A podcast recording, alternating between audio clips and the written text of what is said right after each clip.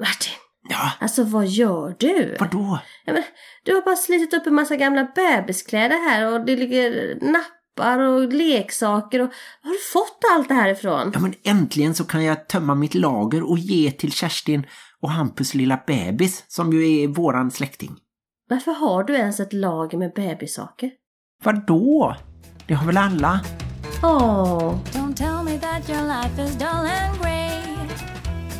My only answer is hey, hey, hey, hey. Let's go crazy in the wild, and if by chance we make a child, that just means that we're alive and healthy. Hej och välkomna till avsnitt 176 av Bonuspappan och plus mamman, en podd om livet i en bonusfamilj med tyngdpunkt på föräldraskap och relationer.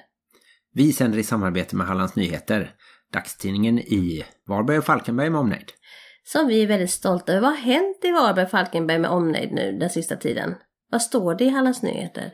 Ja, det kan man ju gå in och kika på www.hn.se så får man veta allt det senaste.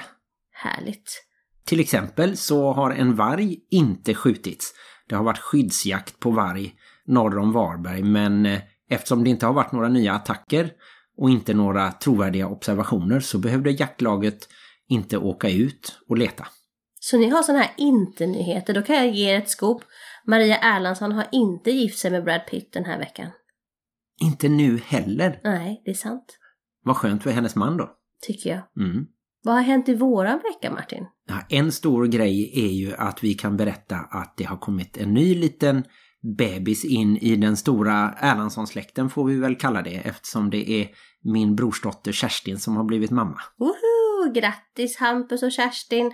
Och jag tycker ju att Bianca ska heta Erlandsson. Ja, men det är inte vi som bestämmer. Jag kämpar hårt för Erlandsson. Ingen av mina barn heter ju Erlandsson så att jag får ju kämpa för andra barn ska få heta det. Ja. Det blir ju en eh, syssling till, Till kommande generationer. ja just det, till mina bonusbarns barn. Precis. The barn that are not yet to be. Och min lillebror har alltså blivit morfar. Bra jobbat David. Konstigt att du som ser ut som en gammal morfar inte har blivit. Och Bianca råkade alltså födas på årsdagen av IFK Göteborgs grundande. När Blåvitt firade 116 år. Högst olyckligt. Och hon var inte så stor, 46 centimeter och var det 2,6 kilo ungefär. Jag tycker det är fascinerande att du kommer ihåg de exakta siffrorna. Jo, men det var inte så mycket mindre än vad jag var. Jag tror bara jag var 49 centimeter och vägde 2,8 eller 2,9 någonting. Och du blir ju relativt normal. Ja, men relativt liten också. Ja, men du är precis lagom stor för mig faktiskt. Tack, tack. Så vi önskar lilla familjen fortsatt lycka till. Mm. Jag tänkte innan vi går ännu mer in på våra veckor så kanske vi ska nämna vilken gäst vi har i den här podden. Ja, det är ju Jenny Klevbom som vissa av er kanske känner igen från Nyhetsmorgon i TV4 där hon i många år var expert och pratade just om barn och familjer. Hon är psykolog och jag tror hon jobbar en del i skolan också. Alltså hon är ju egen företagare nu så man kan ju hyra in henne i olika sammanhang om man vill ha en föreläsare eller om det är något projekt man kanske har i skolorna och sådär. Hon är ju väldigt duktig på det här med familjer. Hon har ju till och med gjort en liten handbok som heter Fixa föräldraskapet. En liten handbok i att vara förälder. Mm, den vill jag titta i och jag tror att det fanns ett kapitel som handlade speciellt om bonusfamiljer. Mm, det gör det och eh, du får titta snabbt för den ska lottas ut och skickas iväg till någon lycklig lyssnare. Ja just det, och den utlottningen sker ju på vårat Instagram. Poddens Instagram som är bonuspappan.plusmamman. Så är det. Men vi ska väl inte prata mycket mer om Jenny, vi kan väl gå vidare på våran vecka så får Jenny prata för sig själv. Jag kan ju bara nämna att jag gjorde ju den intervjun på egen hand uppe i Stockholm när jag var där. Så att ni kommer inte att höra Martins härliga stämma. Nej, det är säkert många glada för. Men vi eh, gjorde ju till exempel nu i familjens vecka att vi gjorde en utflykt till Göteborg och då blev det bara med de tre tonåringarna. Det var ju inte riktigt planerat så men det blev så och jag tycker att det är faktiskt viktigt att det får vara så ibland. Att man delar upp familjen lite så att alla får uppmärksamhet. Det kan ju vara så speciellt i bonusfamiljer att det kanske kommer en liten som får all uppmärksamhet om man får ett gemensamt barn. Och då kanske det barnet dessutom har ett ganska stort glapp till sina äldre syskon. Det brukar vara så. Oftast i ombildade familjer. Och då kan det faktiskt vara bra att kanske fixa barnvakt till det lilla barnet och lägga all sin tid och energi på de lite äldre. Och här är det ju så att våran tioåring har en annan biologisk pappa och så har hon en storebror på den sidan. Och de åkte iväg med gemensamma kompisar till en simhall i Kungsbacka och hade det väldigt bra där. Ja, så det gick ingen nöd på henne. Nej.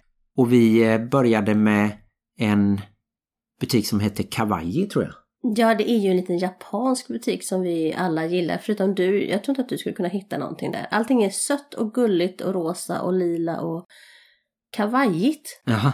Men jag tror man kan säga så. Alltså nu uttalar inte jag det rätt, men man kan säga att det är så kawaii. Mhm. Så är det på ett speciellt sätt. Ja, och sen när ni åkte vidare till eh, Myrornas stora second hand vid Järntorget. Det är väl fyra våningar tror jag, fullt med saker. Och du hittade massa fina kjolar. Jag blev helt matt, jag orkade inte ens titta på alla kläder. Jag kunde koncentrera mig på kjolar, men sen det var så mycket kläder, så mycket kläder så att Mm, det var nog tur att jag inte var där och eh, frestades. vi hade aldrig fått ut dig därifrån alla igen. kepsar och sånt. Nej, han hade varit kvar där än i så fall. Då var jag och klippte mig faktiskt på samma roliga lilla ställe där vi var när vi gjorde våran bröllopsklädesresa. Bullseye, Buffalo Barbershop och den det drivs var någonting med mycket B. av en kille som heter Anas Al-Homsi tror jag. Han berättade att han växte upp i Syrien och faktiskt blev skjuten i benet när han var på väg till skolan för ett antal år sedan när det var ännu värre stridigheter där. Så det är ju en dramatisk eh, historia, dramatiskt livsöde. Men han klipper väldigt bra så att eh, jag går gärna dit igen. Det är ju väldigt annorlunda från våra barn som då växer upp här och kanske bara gnäller över att de måste städa sitt rum eller bära ut sopor. Så här. Det är inte så ofta de kommer hem och bara mamma jag blev skjuten i benet. Nej, det är faktiskt så att eh, om man blickar ut lite över världen så inser man hur bra vi har det i Sverige. Trots nu att eh, mycket är stängt i coronatider, eller i alla fall när det gäller kultur och sport, så är det fortfarande restriktioner. Och det kan man ju tycka att det är lite konstigt att man får åka och handla på stora köpcentra och eh, ändå inte vara fler på en stor eh, arena och titta på fotboll till exempel. Typ på Friends Arena, tänk om man hade varit 50 pers på Friends Arena. Det hade ju varit ingenting. Nej, men eh, det släpper väl förhoppningsvis ganska snart. Snart är det ju förresten match mellan Blåvitt och Gnaget, IFK Göteborg som är mitt lag och AIK som du har hejat på sedan du var liten. Är det ditt lag? Äger du IFK Göteborg? Ja, jag har inte berättat det, men eh, alla pengar är slut nu när jag har köpt andelar för att rädda kvar IFK i Allsvenskan. Jag trodde du menade att man måste ha ett fotbollslag för att kunna tjäna pengar. Men man kan inte tjäna pengar på att ha ett fotbollslag. Det är mer så här Nej, jag tror Prestige. att de är glada om de går plus minus noll. Ibland säljer de ju bra spelare och så köper de in nya. Man kan inte göra så i en bonusfamilj. Som sälja ett barn och köpa in ett nytt. Det var ju i och för sig en intressant idé vi kanske ska, vi kanske ska pröva. Vem tror du har högst marknadsvärde? Det är så här det blir när vi kör utan manus. Ja. Det blir helt knäppt. Vad har vi mer gjort den här veckan? Den här veckan har vi ju faktiskt varit på en talangshow för människor som var 40 plus på Villa Littorin i Falkenberg. Det är inte så ofta vi kommer ut nu för tiden och besöker evenemang på det sättet. Nej, och det är ju då en tidigare direktörsvilla som byggdes, var det på 60-talet någon gång? Den var ju 410 kvadratmeter stor. Så det är ganska mycket yta inomhus för bara en familj. Ja, och det var fint och härligt och roligt. Jag saknar det lite, men som sagt var för att man ska jämföra saker och ting så vi har ju inte drabbats så jättemycket av det här med corona.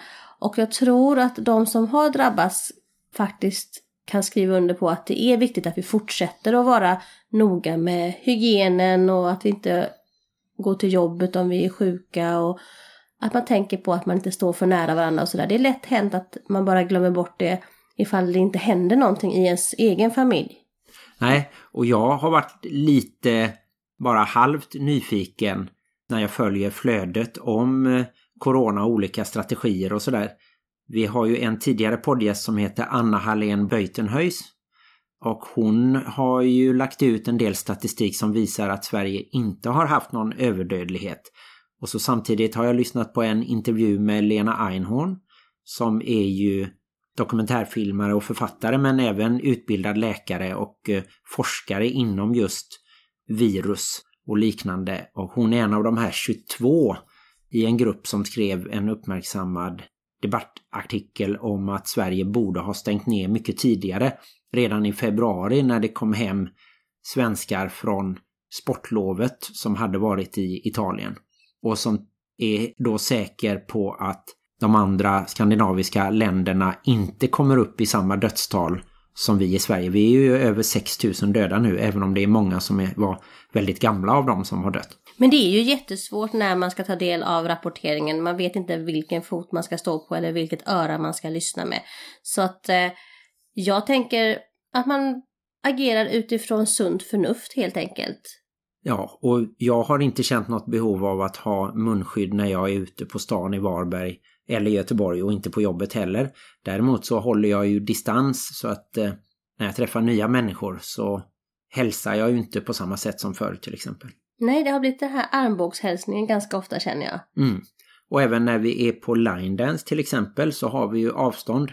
Det är ju en dans där man kan ha några meter emellan sig. Martin har också avstånd mellan hur man ska dansa och hur han dansar. Nej, det tycker jag inte. Jag är ju kanske den som är... Energiskast och skuttigast. jag har väldigt roligt i alla fall och jag kan alla steg. Så jag är nöjd. Du gör egna steg. Som så här, små struts. Strutssteg. Strutsdans. Strutsline dance har du. Det blir mer träning då också. Om man tar i lite. Så kan det vara.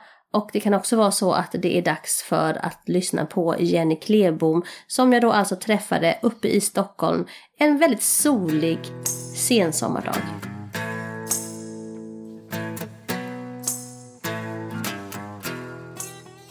Hej Jenny Klebom! Hej! Och välkommen hem till dig själv får jag väl säga. Ja, tack ska du ha. Eller välkommen till mig kanske vi ska säga.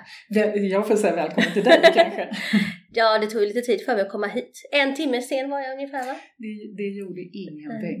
Jag har varit i Stockholm så många gånger och ändå så fort jag ska titta på en app eller som titta på den här kartan då ta tappar jag bort mig. Mm. Annars så hade jag kanske kunnat hitta hit ändå. Men du, då kan jag säga att om jag hade kommit till där ni bor så hade jag tappat bort mig lika mycket för det, det finns ingen som är sämre på att hitta än jag. Nej, det är skönt man har GPSen då nu för Ja. tiden. Psykolog är du Mm. Och eh, jag har ju sett dig i rutan där du har varit lite expert på TV4s morgonsändningar och lite annat. Precis, Ja. det stämmer. Och du har även skrivit böcker. Mm. Jag har skrivit Bamses kompisbok tillsammans med eh, några andra. Jag har ju inte själv skrivit sagorna utan jag har skrivit de goda råden kring hur man ska bli kompis. Och sen har jag skrivit läromedel för psykologer. Men sen har jag ju också skrivit några böcker som vänder sig till föräldrar. Den allra senaste som är ganska ny heter Fixa föräldraskapet och är en liten handbok i föräldraskap. Ja, precis. Och där har du skrivit lite om bonusfamiljer också, jag Ja, förstår. det har jag gjort. Det, Ja. är, det är verkligen brett upplagt. Det är kring allt ifrån bonusfamiljer till matproblem och skärmtid och eh, förlossningsdepressioner. En perfekt liten handbok helt enkelt. ja, jag hoppas det. Men hur är det egentligen? Du lever inte själv i bonusfamilj just nu. Nej, det gör jag inte. Eller just nu ska vi inte säga. Vi hoppas att du aldrig kommer att göra det heller. Nej, som, som, vux, som vuxen så att säga så har jag inte levt i bonusfamilj. Det har jag inte. Precis, du har levt i bonusfamilj kan Mm. vi säga. Du är uppväxt i en sådan. Ja, och jag har ju väldigt positiva erfarenheter då så att jag eh, det är klart att jag inte vill eh, skiljas från min man men, men jag ser inte riktigt att det skulle vara ett problem att leva i bonusfamilj för att hur det var för mig när jag var barn så fick jag en ny pappa, en till pappa när jag var 14 år. Det är ju ganska sent kan man tycka men hans inträde i mitt liv visar väl tydligt att det är aldrig för sent att bli en förälder till någon för att jag ser honom väldigt mycket som min pappa. Nu är tyvärr båda mina pappor bortgångna. Så att nu, nu finns de ju inte längre, men jag har ju haft båda två hela tiden. Mm. 14 år sa du att du Mm. var när han kom in i bilden. Mm. Och han, hade han barn sedan tidigare? Nej, han hade ju inte det. Och eh, min mamma och han träffades när mamma var kanske lite för gammal för att skaffa barn. Men han fick oss två och eh, mig och min bror då, som är tre år yngre än jag. Och vi var ju som sagt lite eh, till åren komna för att vara barn. Men han klev verkligen in och var en pappa från dag ett. Så det behövdes inga kurser liksom, utan det föll sig alldeles naturligt för honom Precis. att kliva in och ta föräldraansvar. På ett väldigt, väldigt bra och fint sätt gjorde han det. Mm. Var detta på 70-80-tal? Ja, det var på 70-talet, eh, nu ska vi se, 78 var det som vi flyttade ihop då. Var det dessutom så att vi, min mamma och vi barn flyttade från Stockholm till Skåne först och sen flyttade vi till New York. Därför att Börje då, min styvpappa, hade jobbat i USA som operasångare hela sitt vuxna liv. Det var en rejäl flytt. ja, det var det. Jag tänker att även om det inte är ett nytt fenomen så var det ju kanske inte lika vanligt på det sättet som det är idag med vi säger bonusföräldrar och bonusfamiljer och bonuskonstellationer. Nej. Man sa ju till och med styvföräldrar på Mm. den tiden. Jo, så sa vi och det var ju egentligen inget negativt eh, som låg i det. Men däremot så minns jag ju när mina föräldrar skilde sig när jag var 12 då. Att eh, då trodde jag att jag var den enda i hela skolan i princip. Men Mm. sen när man började prata om det så visade det sig att, och då blev det liksom sådär, man kom på just det, men hon har ju faktiskt aldrig pratat om någon pappa sådär. Nej. Eh, Så att det, det var ju inte fullt så ovanligt som man trodde. Bara det att man inte pratade om det, det var nog väldigt skamfyllt. Så kände jag också. Att det tog ganska lång tid innan jag vågade berätta för lärare och sådär att mina föräldrar låg i skilsmässa. Det stora problemet var ju just den här tystnadskulturen. Så det är ju så enormt mycket vunnet att man inte behöver skämmas liksom. Det, Precis. Men du och din bror fick i alla fall följas åt för att jag minns, jag minns inte för jag var ganska liten på 70-talet men jag har ju Mm. hört talas om att det var vanligt på den tiden att man delade på syskon, att föräldrarna tog varsitt syskon. Ja, det är möjligt. Jag, jag har ingen koll på statistiken. Jag tror att det var ännu vanligare ännu tidigare. För jag vet Mm. personer som kanske är 70-80 års ålder nu där man har verkligen sådär delat upp barn nästan Mm. en, som man delar upp sin ekonomi eller Ja, sånt där. precis. Och kanske mamman har fått döttrar och pappan har fått söner och sånt där. Vi hade knasiga. ju med Fredrik Hallgren i podden och han och hans bror blev ju delade på. Okej. Han, han kan väl vara bara något år äldre än vad jag är tror jag. Ja, Så att eh, ja, det hände och man kan ju Ja. inte nu riktigt ens tänka sig att man gjorde på det sättet. Men jag tänker Nej. att de tänkte väl att nej, men det går väl bra. Ja, man tänkte ju annorlunda kring en väldig massa Ja. saker. Alltså, även sånt där som jag jobbar, alltså jag kommer i kontakt med väldigt många olika frågor, men jag tänker en sån fråga som adoption tänkte man ju väldigt annorlunda om Mm. på den tiden. Att det var bara liksom att akklimatisera sig. Så här, nu tänker man att det är viktigt att behålla trådar både bakåt och framåt Mm. i tiden vad gäller alla slags relationer Mm. familjehemsplacerade barn tänkte man ju att, jag, eller det pratar man ju fortfarande som att familjehem är att, vara, att ha ett jobb och visst det är det ju på ett sätt. Men det, är ju, det utvecklas ju relationer. Jag Mm. tänker liksom har man bott i en familj en längre tid oavsett anledning så behöver man få hålla kontakten utifrån sina egna villkor och behov. Mm. Och det är lite samma som det här som vi har pratat om i podden att vad händer när en bonusfamilj splittras Mm. med bonusföräldrar som då kanske inte får ha kontakt med sina bonusbarn och att den relationen är viktig utifrån barnet. Mm. Att eh, de förlorar ju viktiga nyckelfigurer som har funnits där kanske flera år. Ja. Det där är ju en sak som eh, man kanske inte tänker på om man är om man själv inte har barn sedan tidigare och går in i en relation med någon som har barn, att det är ett visst åtagande faktiskt Mm. lite, även om relationen upphör. Att man behöver ju kanske inte tänka att man ska ha växelvis boende, men hålla lite kontakt, gratulerar på födelsedagar eller vad, vad som nu verkar lagom. Mm. För barn, de, de känner sig ju så lätt avvisade och oälskade och bara det där lilla att visa att jag bryr mig fortfarande är ju så otroligt viktigt. Mm. Jo, det tycker vi också och eh, vi har ju tyckt att det ska utgå från barnet. Att om barnet har ett behov av att träffas Mm. så hoppas vi i alla fall att de vuxna runt om ska hjälpa till att Ja, fortsätta den relationen på något ja sätt. men precis. Och det finns ju så många möjligheter nu för tiden. Det behöver inte vara så komplicerat. Nej, ett sms om- eller så. Ja visst, om man bor långt bort och, eller är upptagen. Det behöver inte vara så mycket och inte så planerat liksom. Precis. Men hur var det, levde du varannan vecka-liv eller bodde du heltid Nej. hos din mamma? Det var ju också en liten skillnad då på Precis. 70-talet. då var det liksom mammor som tog hand om sina Mammor barn. hand om Ja, barnen. nej, Jag hade väldigt lite kontakt med min pappa i början efter deras separation. Och sen blev det ju lite på grund av att vi bodde på annan ort då, för pappa, min biologiska pappa bodde ju kvar i Stockholm. Du sa att Börje engagerade sig. Var han som det som vi kallar idag för en modern man som Mm. gjorde de här mammasakerna? Han var ju det. Och det är ju intressant. För han var, eh, liksom, om man tänker på hur han, min biologiska pappa och min styvpappas bakgrunder så skulle jag nog säga att min Börje, min styvpappa, kom från en kanske lite mer traditionell bakgrund. Mm. Men han klev ju verkligen in som en fullblodsförälder eller vad man ska säga. Ja. Eh, På alla plan, både praktiskt med att skjutsa och laga mat och såna grejer men också just det här att bry sig.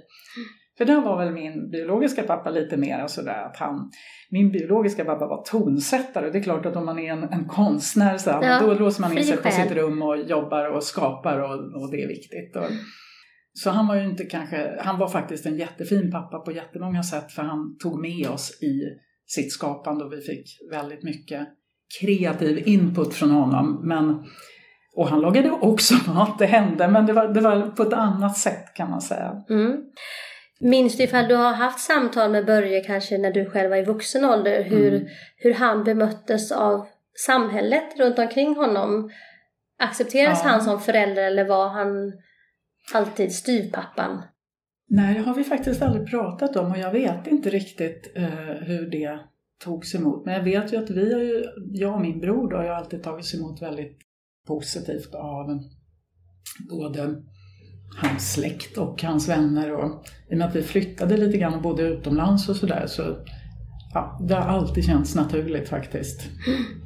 Och du berättade ju en väldigt fin sak här för mig som dina två pappor då gjorde Mm. när, på ditt bröllop. Ja. Eller på ert bröllop ska man ju säga.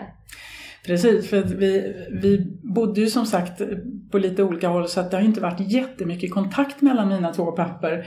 Det är klart att de har haft viss kontakt i samband med att man har hälsat på varandra och sånt där. Men när jag och min man gifte oss så hade de lite grann i smyg övat in ett musiknummer. De är ju båda, jobbar ju båda med musik och framförde det på bröllopet som gruppen De två papporna.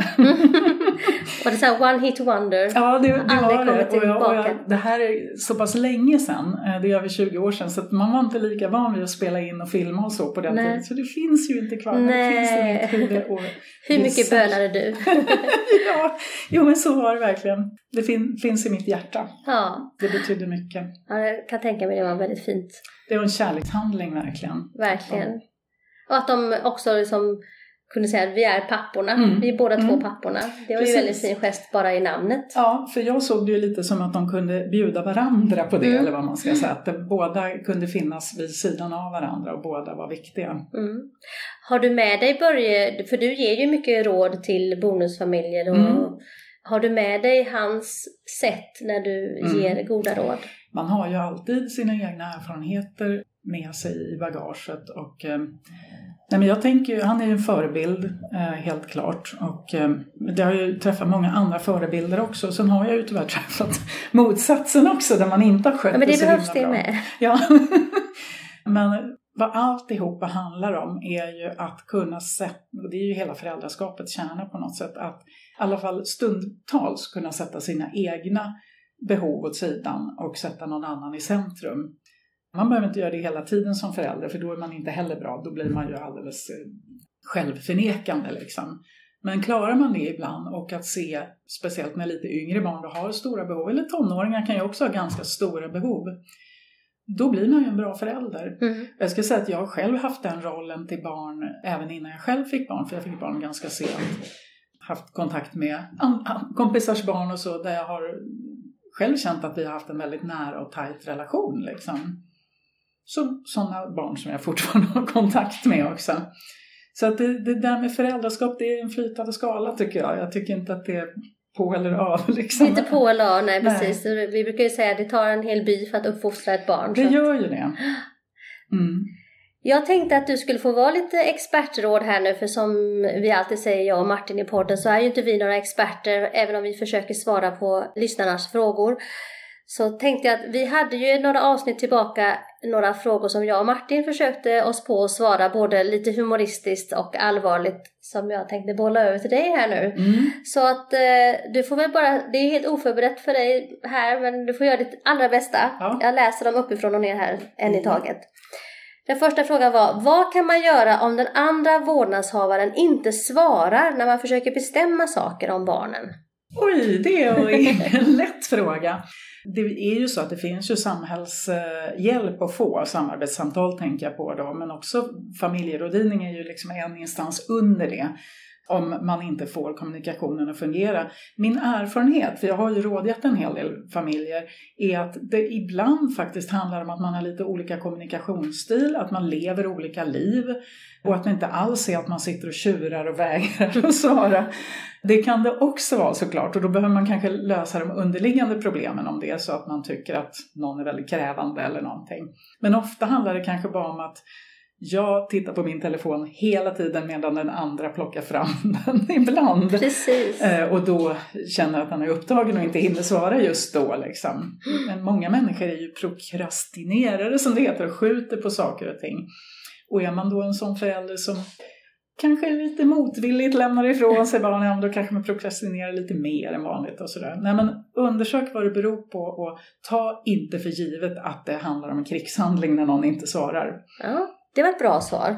Tack! Då kommer andra frågan här. Hur agerar du om andra vårdnadshavaren på något sätt bråkar med eller verbalt attackerar era gemensamma vänner? Den här frågan kommer jag ihåg att vi hade svårt för, Mm. men det var väl en specifik fråga den här Mm. personen hade.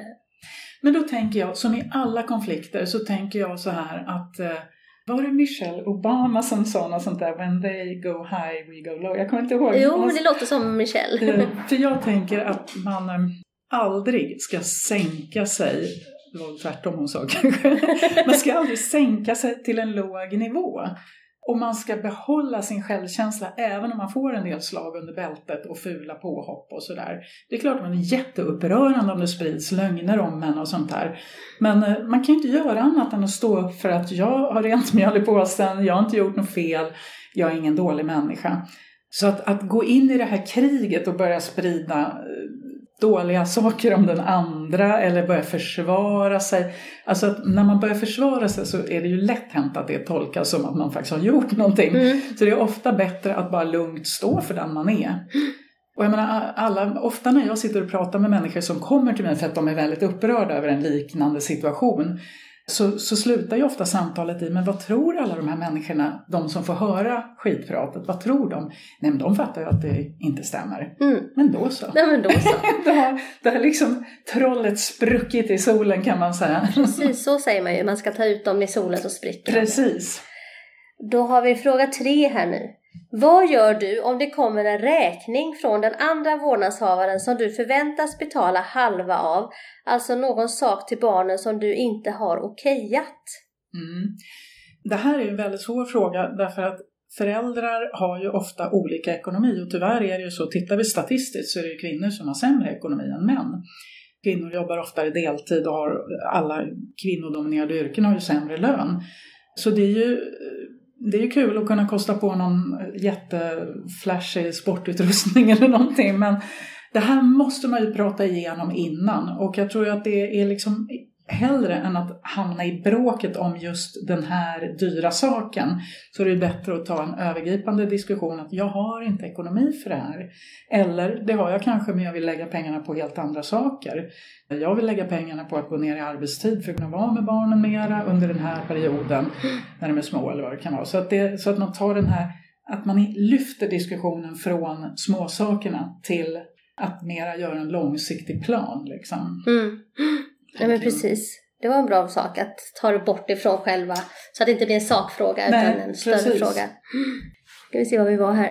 Vad gör man om den ena föräldern inte kan acceptera den andres nye partner? Mm. Det här är ju en väldigt svår fråga därför att jag har ju varit i situationer där det finns skäl att inte acceptera den nyhetspartner därför att den nyhetspartner faktiskt har ett pågående missbruk. Eller, alltså Mm. det, det finns ju sådana saker där man känner att nej, men jag kan ju inte släppa mina barn till en miljö som, in, som är lite farlig för barnen. Är det på det viset, då är det ju allvar. Mm.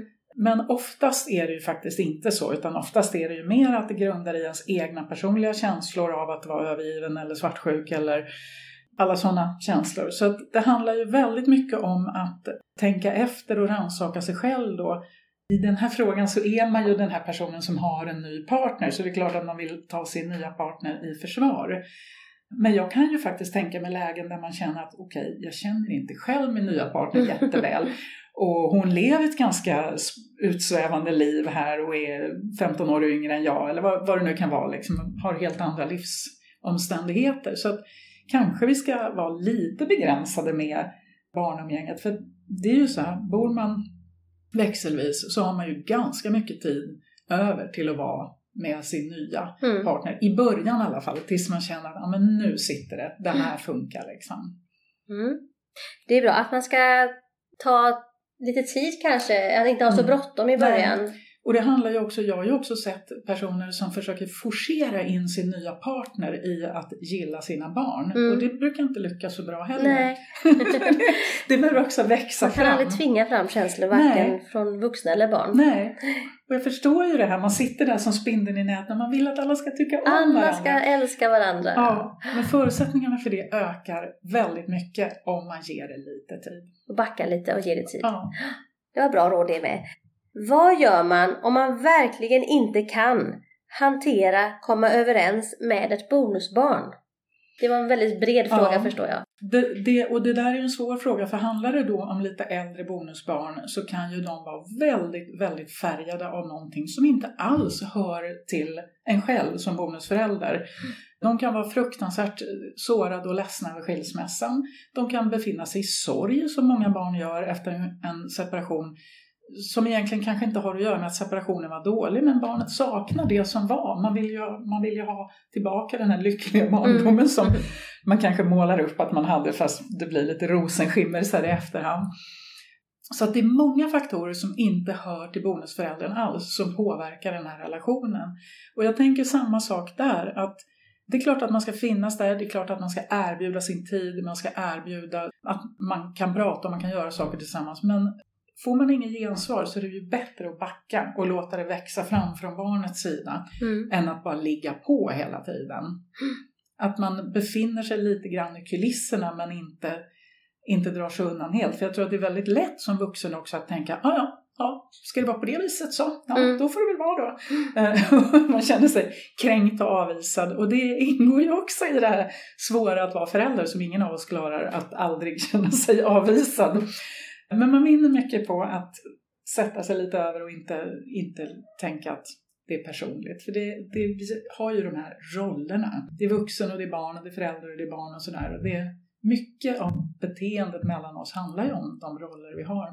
Så backa lite men ändå finnas kvar, inte helt retirera? Nej, nej men precis. Och inte ligga på. Och jag menar, är det stora problem, någonstans så tycker jag ju att det är alltid den ursprungliga förälderns, då, biologiska förälderns ansvar att se till att det här fungerar. Det kan mm. aldrig ligga på en bonusförälder att men bjud till lite mer då eller någonting. Mm. Det kan vara någonting som behövs men ofta så är det ju så att när bonusbarn tar kraftigt avstånd så handlar det om att det är oklarade grejer mellan eh, de biologiska föräldrarna eller att ja, men saker har inte skötts så himla snyggt. Liksom. Mm det händer ju faktiskt att barn luras in lite grann i bonusfamiljer. Mm. Att man säger det är bara på prov eller vi ska bara... Vi är bara kompisar. Precis. Har vi hört från egen erfarenhet. Ja. ja, det var den sista frågan och ja. om ni vill höra mer av Jennys fantastiska råd så hittade jag i alla fall väldigt många fina klipp på både Youtube och annat och man kan ju bara googla på ditt namn där så dyker det upp Precis, det finns mycket nyhetsmorgonklipp där. Jag tänker, om vi ska fortsätta på bonusfamiljsfronten, när du har pratat med dem som lever i bonusfamilj, finns det någonting som är som en röd tråd av någonting som är svårt i en bonusfamilj? Ja, alltså jag tycker att det oftast fungerar bra. Den röda tråden när det inte fungerar bra är väl just att det är någon som inte riktigt axlar sitt ansvar kanske. Mm. Eller att det har gått för snabbt. Det, det är två vanliga fel. Att man kanske har för mycket helt enkelt. Alltså det blir för mycket det här är ett vanligt problem i alla sammanhang när, när barn och, och vuxna mår dåligt. Att hur kunde man planera så här med, med tre barn som alla har aktiviteter alla kvällar i veckan och sen så ska man försöka ha det härligt tillsammans? Det går inte. Nej många gånger handlar det om att liksom tagga ner, ta det lite lugnare, och, eh, men också att förlägga ansvaret på rätt ställe. För ett annat sånt där problem som jag kan se, det är ju eh, om vi pratar om, om löneskillnader mellan kvinnor och män. Det finns ju också könsroller som är ganska starka på många håll.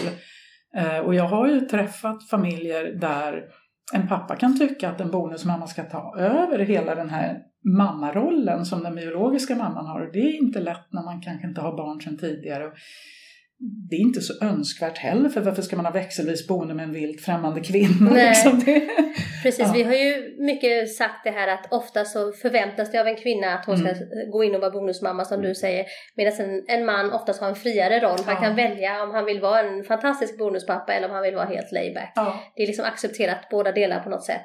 Så där har ju vi kvinnor en, en ganska tung utgångsposition i alla fall. Vi har inget val. nej, fast det har vi. För det är Vi bara att sätta ner foten och säga Precis, nej. säg nej. Eh, Jag, jag vill jättegärna vara bonusmamma till dina barn, men jag vill inte vara deras nya mamma. Nej. Det, det, när de kommer hit de här veckorna eller de här helgerna eller vad det nu är, så är det ju dig de kommer hit för i första hand. Mm. Ja men det är viktigt att komma ihåg tror Ja. jag. Att det är ju för föräldern. Det är ju allt den första prioriteringen. Ja, och det är ju verkligen inte en bonusförälders sak att lösa konflikter med den andra föräldern.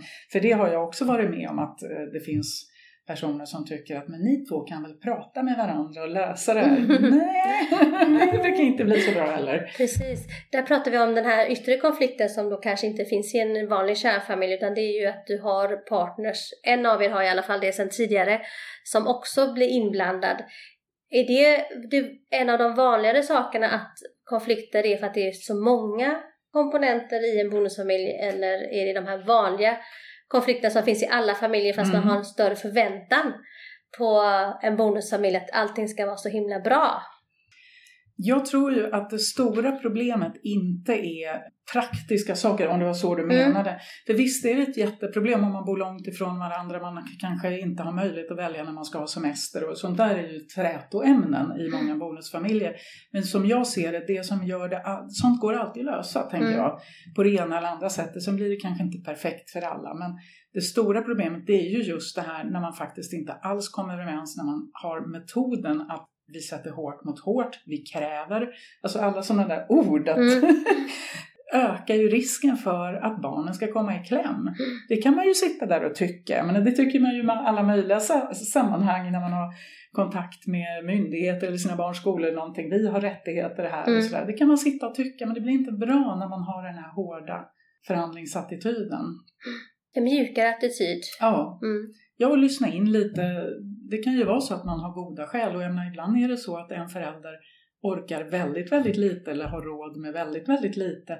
Det kan ju finnas bra skäl till det också. Jag menar, har man en depression till exempel som faktiskt ungefär 15 procent av befolkningen har hela, alltså vid en given tidpunkt så är det ju så. Ja, då orkar man ju inte så mycket. Då kanske det är så att man behöver bära lite mer. Mm.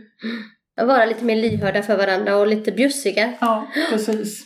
Jag tänker att om man hade behövt samarbeta med en, en vän så hade man ju varit lite mer benägen att böja sig ibland och det kanske man Mm. inte är när man ska förhandla med sitt ex. Då blir man ganska Nej. hård oftast kanske. Man blir det och det har ju att göra med att det finns saker i det förflutna som handlar om att man känner sig sviken eller dåligt behandlad på något sätt. Men, och och det, det kan man ju absolut, alltså har man en tvist om ekonomi eller något sånt där, absolut, då, då har man ju rätt att ställa krav. Man ska inte bara ge och ge och ge. Men när det gäller barnen så måste man vara medveten om att de kommer att uppleva det som att de står mitt i en korseld. Och det är otroligt stor risk att barnen blir medagerande i sådana här konflikter. Jag ser det hända hela tiden. Och så hör jag föräldrar säga att eh, vi ska ju aldrig blanda in våra barn. Men det är ju inte, det är ju inget man gör medvetet, det Nej, blir ju bara Det så. blir väldigt lätt så ja. Ja. Om vi ska avrunda själva den här delen om eh, råd till bonusfamiljer. Har du någonting jättebra som du vill säga här på slutet? Ja, alltså om man, om man ska vara lite allvarlig först då, så tycker jag ju att det är bra om man skyndar långsamt och tar sin lilla tid och sådär. Men sen tror jag också att det faktiskt kan vara bra att inte tänka för mycket. inte analysera sönder och planera alldeles för mycket. För det, vem kan egentligen styra livet? Det blir ju som det blir på något sätt. Och det viktiga är liksom att ha en öppenhet för att vi ska göra bra. Vi ska alla försöka. Mm. Det bjussiga som du säger. Mm. Så ta det lugnt och tänk inte för mycket. Det var ju i alla fall enkla råd egentligen, Ja. om man säger så. Ja. Även om det kan vara nog så svårt ibland. Ja. ja, men visst behöver man planera så att det inte blir alldeles tokigt. Men eh, det är väldigt svårt att planera hela sitt liv. Ja, tack så jättemycket för det här Jenny. Tack! Och jag vet ju också att du inte bara är psykolog utan du är eh, musikalisk psykolog. Ja, jag har ju fått lite grann från mina pappor då, Mm. kan man säga. Så att jag sjunger också. Det var ju lite grann det som jag och Börje, min styvpappa, fann varandra i väldigt mycket. Vi fann varandra på många plan, men just sången, han var ju operasångare då och jag har alltid sjungit väldigt mycket också. Och nu så har jag ett band som heter ROT, R-O.T. Eh, Och vi framför eh, egna tonsättningar av eh, dikter. Vi har släppt en skiva alldeles nyligen. Det var roligt. Med bara Harriet Löwenhjelm-dikter. Det är lite sådär visa, lite folkmusikaktigt. Fantastiskt. Och var hittar man det lättast? Man hittar på Spotify, man kan söka på ro.t. Kanske ni kan lägga en länk på er Ja, hemsida eller något sånt. Det ska vi göra och vi ska lyssna på detta också. Det låter fantastiskt med tonsatta dikter. Det är ju som två av de bästa världarna. Ja, det är väldigt känslosam musik. Alltså jag är en ganska känslosam person. Eh, Det är starka känslor. När vi har konserter så är det väldigt ofta folk som har lite fuktiga ögon. Låter ju fantastiskt. Tack så jättemycket Jenny och så vet man aldrig, du kanske dyker upp här i podden igen. Ja, det vore jättekul för det här var väldigt trevligt. Ja, Tack Maria! tack!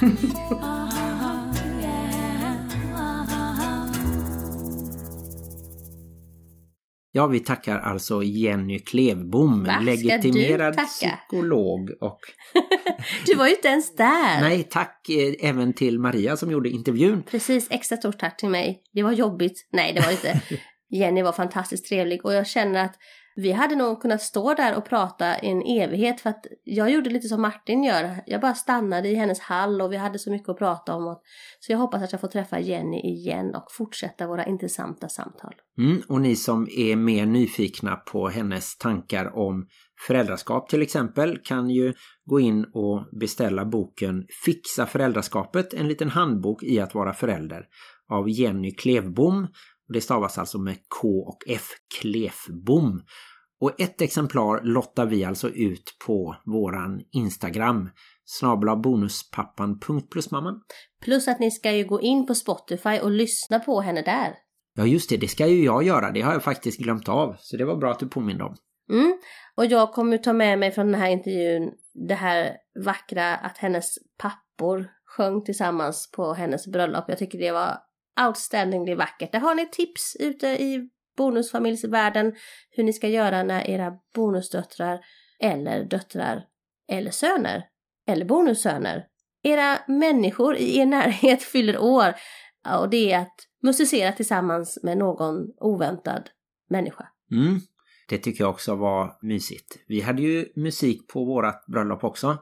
Men inte något sånt gränsöverskridande mellan olika familjer kanske. Vilka skulle det ha varit? Typ att ifall mina ex kom in och musicerade. Typ Helles pappa och mina tre äldsta barns pappa och sjöng en hyllning till dig. Det hade ju varit extremt läskigt och oväntat. Ja, däremot så hade vi ju lite levande musik. Dels hade vi ju Electric Kusinband.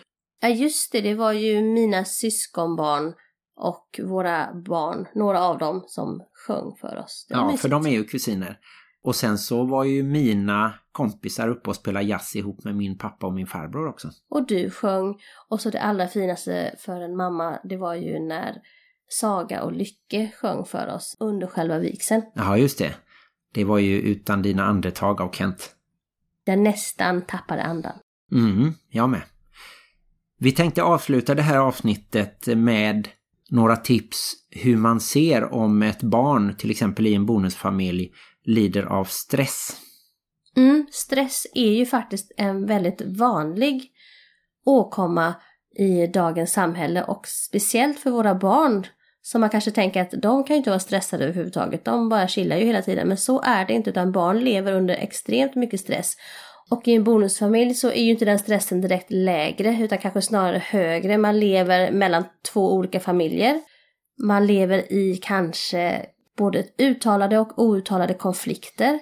Man kanske har olika umgänge de olika veckorna. Man har olika långt till skolan och olika långt till sina kompisar. Det finns mycket som kan stressa ett barn i en bonusfamilj. Dessutom har man ju faktiskt haft ett större eller mindre trauma i och med att ens familj kanske har splittrats i alla fall minst en gång. Men i en bonusfamilj kan det ha varit flera gånger. Man kanske har ingått i en bonusfamilj som sen delas igen och så skapar en ny familj och allt det här plus allting vanligt som skola och, och stressen av att vara ett barn som ska växa upp och bli en vuxen är extremt stressande. Och ibland så kanske man inte förstår att en del reaktioner kommer från stress. Och vanligt är ju det här med att barn har ont i magen till Mm. exempel. Kanske svårt att äta. Det kan ju vara så på morgonen så står man där och bara vill att barnen ska få i sig frukost för man vill inte skicka iväg ett barn utan frukost och så kanske det bara stockar sig i munnen på det stackars barnet och så blir man ännu mer stressad och barnet blir stressat och alla blir stressade. Och det är väldigt lätt att man får matproblem när man lever i stress.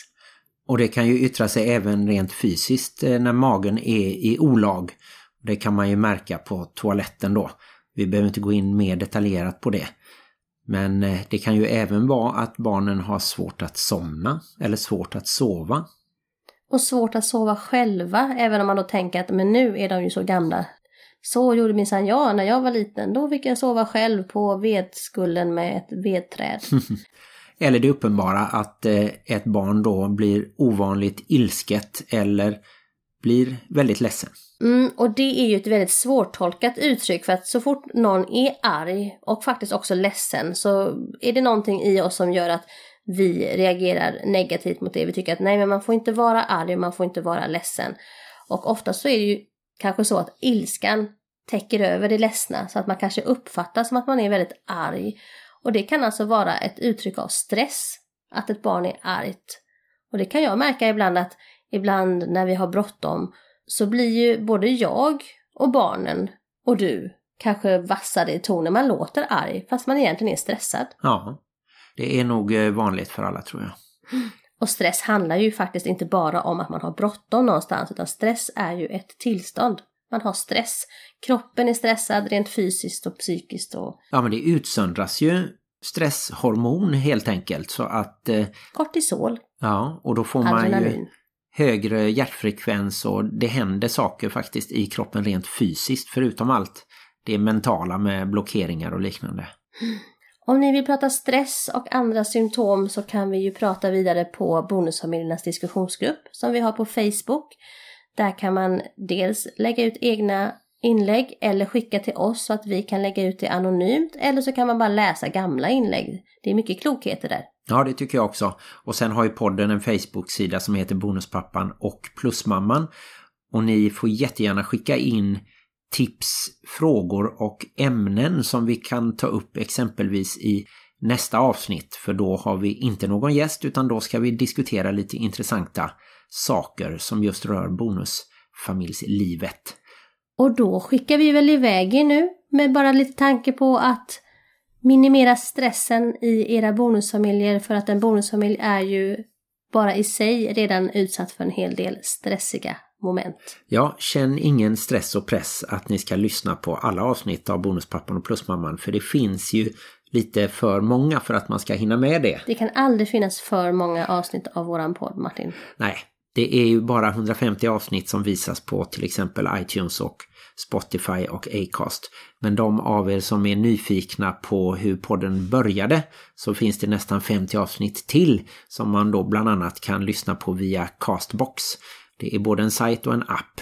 C-A-S-T-B-O-X Castbox. Jag tycker absolut att man ska stressa sig själv att lyssna på alla avsnitten. Det hade ju varit outstanding att säga jag har minsann lyssnat på alla avsnitt av Bonuspappan och Plusmamman. Ja, för något år sedan så hittade vi ju någon som hade följt med ända från början eller lyssnat i kapp. Det var ju faktiskt tre stycken som hade gjort det. De skrev till oss och sa att de hade gjort det.